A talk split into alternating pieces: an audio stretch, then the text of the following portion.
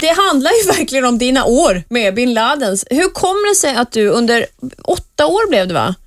Ja, lite längre faktiskt. Ja. Hängde och var liksom, du var ju jättetajt med bin Laden-familjen. Hur kom det sig? Ja, man träffar människor och man gör nya vänner och de bara råkade vara bin Ladens. Ja. eh, Ja. Var var det ni träffades första gången? Café Opera här i Stockholm. Ja. Eh, Mhm. Var, varför, var de, varför har de varit så mycket i Sverige? För de har ju bott i Falun också, delar av familjen. Nej, de har inte bott där, de Nej. var på besök. Long story short, de hade en bror som hette Salem som blev väldigt, väldigt förälskad i eh, Sverige. Så han brukar komma hit och plocka jordgubbar och plocka Jaha. gurkor. Jaha, ja. Bara för att det var roligt och man kunde göra det. Och eh, ja, då, sen så tyckte han att Sverige var så himla fint och kul så då började han ta hit alla sina brorsor och systrar för att uppleva det här svenskt. Och han gillade den här allmän, vad heter det, allmänna Allmän- Ja, rätten. just det. Allemansrätten, allemansrätten, ja. Allemansrätten, ja. Och sen blev du kär i en av bin Ladins. Precis, jag blev, eller först så träffade jag brorsan på kaféet. Bara, vi, Är bara det i bakr som du skriver om? Backer. Bakr. Backer. Okej. Mm. Yes. Och eh, sen ett år senare, eller jag lärde känna hans brorsa som jag blev kär i några månader senare i Kairo. Men han var ju gift som ni vet.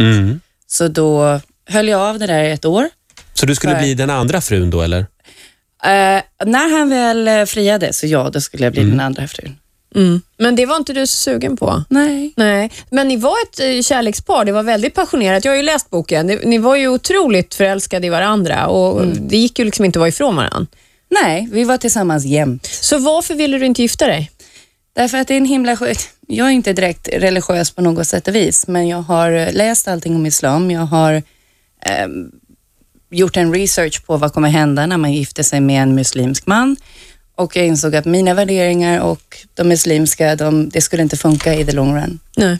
Men, Eh, han hade en portfölj, den här Backer. Nej, det var inte Backer, det, var, Nej. det var Salem. Det var Salem. Salem blev överhuvud huvud i familjen. Eh, han Mm. var äldste sonen. Och när han var här, sen kunde han liksom inte vara med så mycket längre, liksom, ju mer ansvar som hamnar på honom. Så Nej, sen, nej, så var det inte. okej, ja. Så, vi ska Jag ta får- jag tar med historien. papper och penna här och börjar rita nu. Ja. det var, eh, ha- deras pappa kom från Jemen. Eh, han hade 22 fruar, vilket Oj. resulterade i 52 barn. Vilken logistik. Och eh, sen dog han i en flygolycka. Då tog en kille som hette Salem, han var den äldsta i familjen, då tog Salem över. Salem var väldigt, väldigt kar- eh, kar- karismatisk och åkte runt med sitt plan i världen. Och Han var kanske inte var den bästa företagsledaren, men han var väldigt bra på att eh, networka och bygga relationer. Som en grej han hade, det var att när han flög in, och han flög överallt, kors och tvärs jämt, och han brukar alltid sjunga Du ska få min gamla potta när jag dör. Så när han, Ja, det kommer lät ju det in, när, han, viktigaste. ja, när han kommer in på en landnings... Eh, normalt så anropar man ju med flightnummer och du vet, och asking permission to land. Men han sjöng bara på svenska, du ska få min gamla potta när jag dör.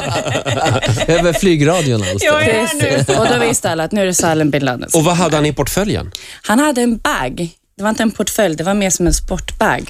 Som eh, hans assistenter de köpte allt ifrån eh, diamantringar till cigarettpaket, till whiskyflaskor, till såna här Buttricks gimmicks, du vet en spya, en torka, eh, det- allt möjligt. Ja. Så gillade han någon, då fick man stoppa ner handen i den här väskan och ta upp någonting. Och det man tog upp, det fick man behålla. Wow. Mm. Och det kunde då vara antingen en diamantring eller en låtsasspya från Buttericks. Precis. Kan- F- Fick du eh, stoppa ner handen i den här? Nej,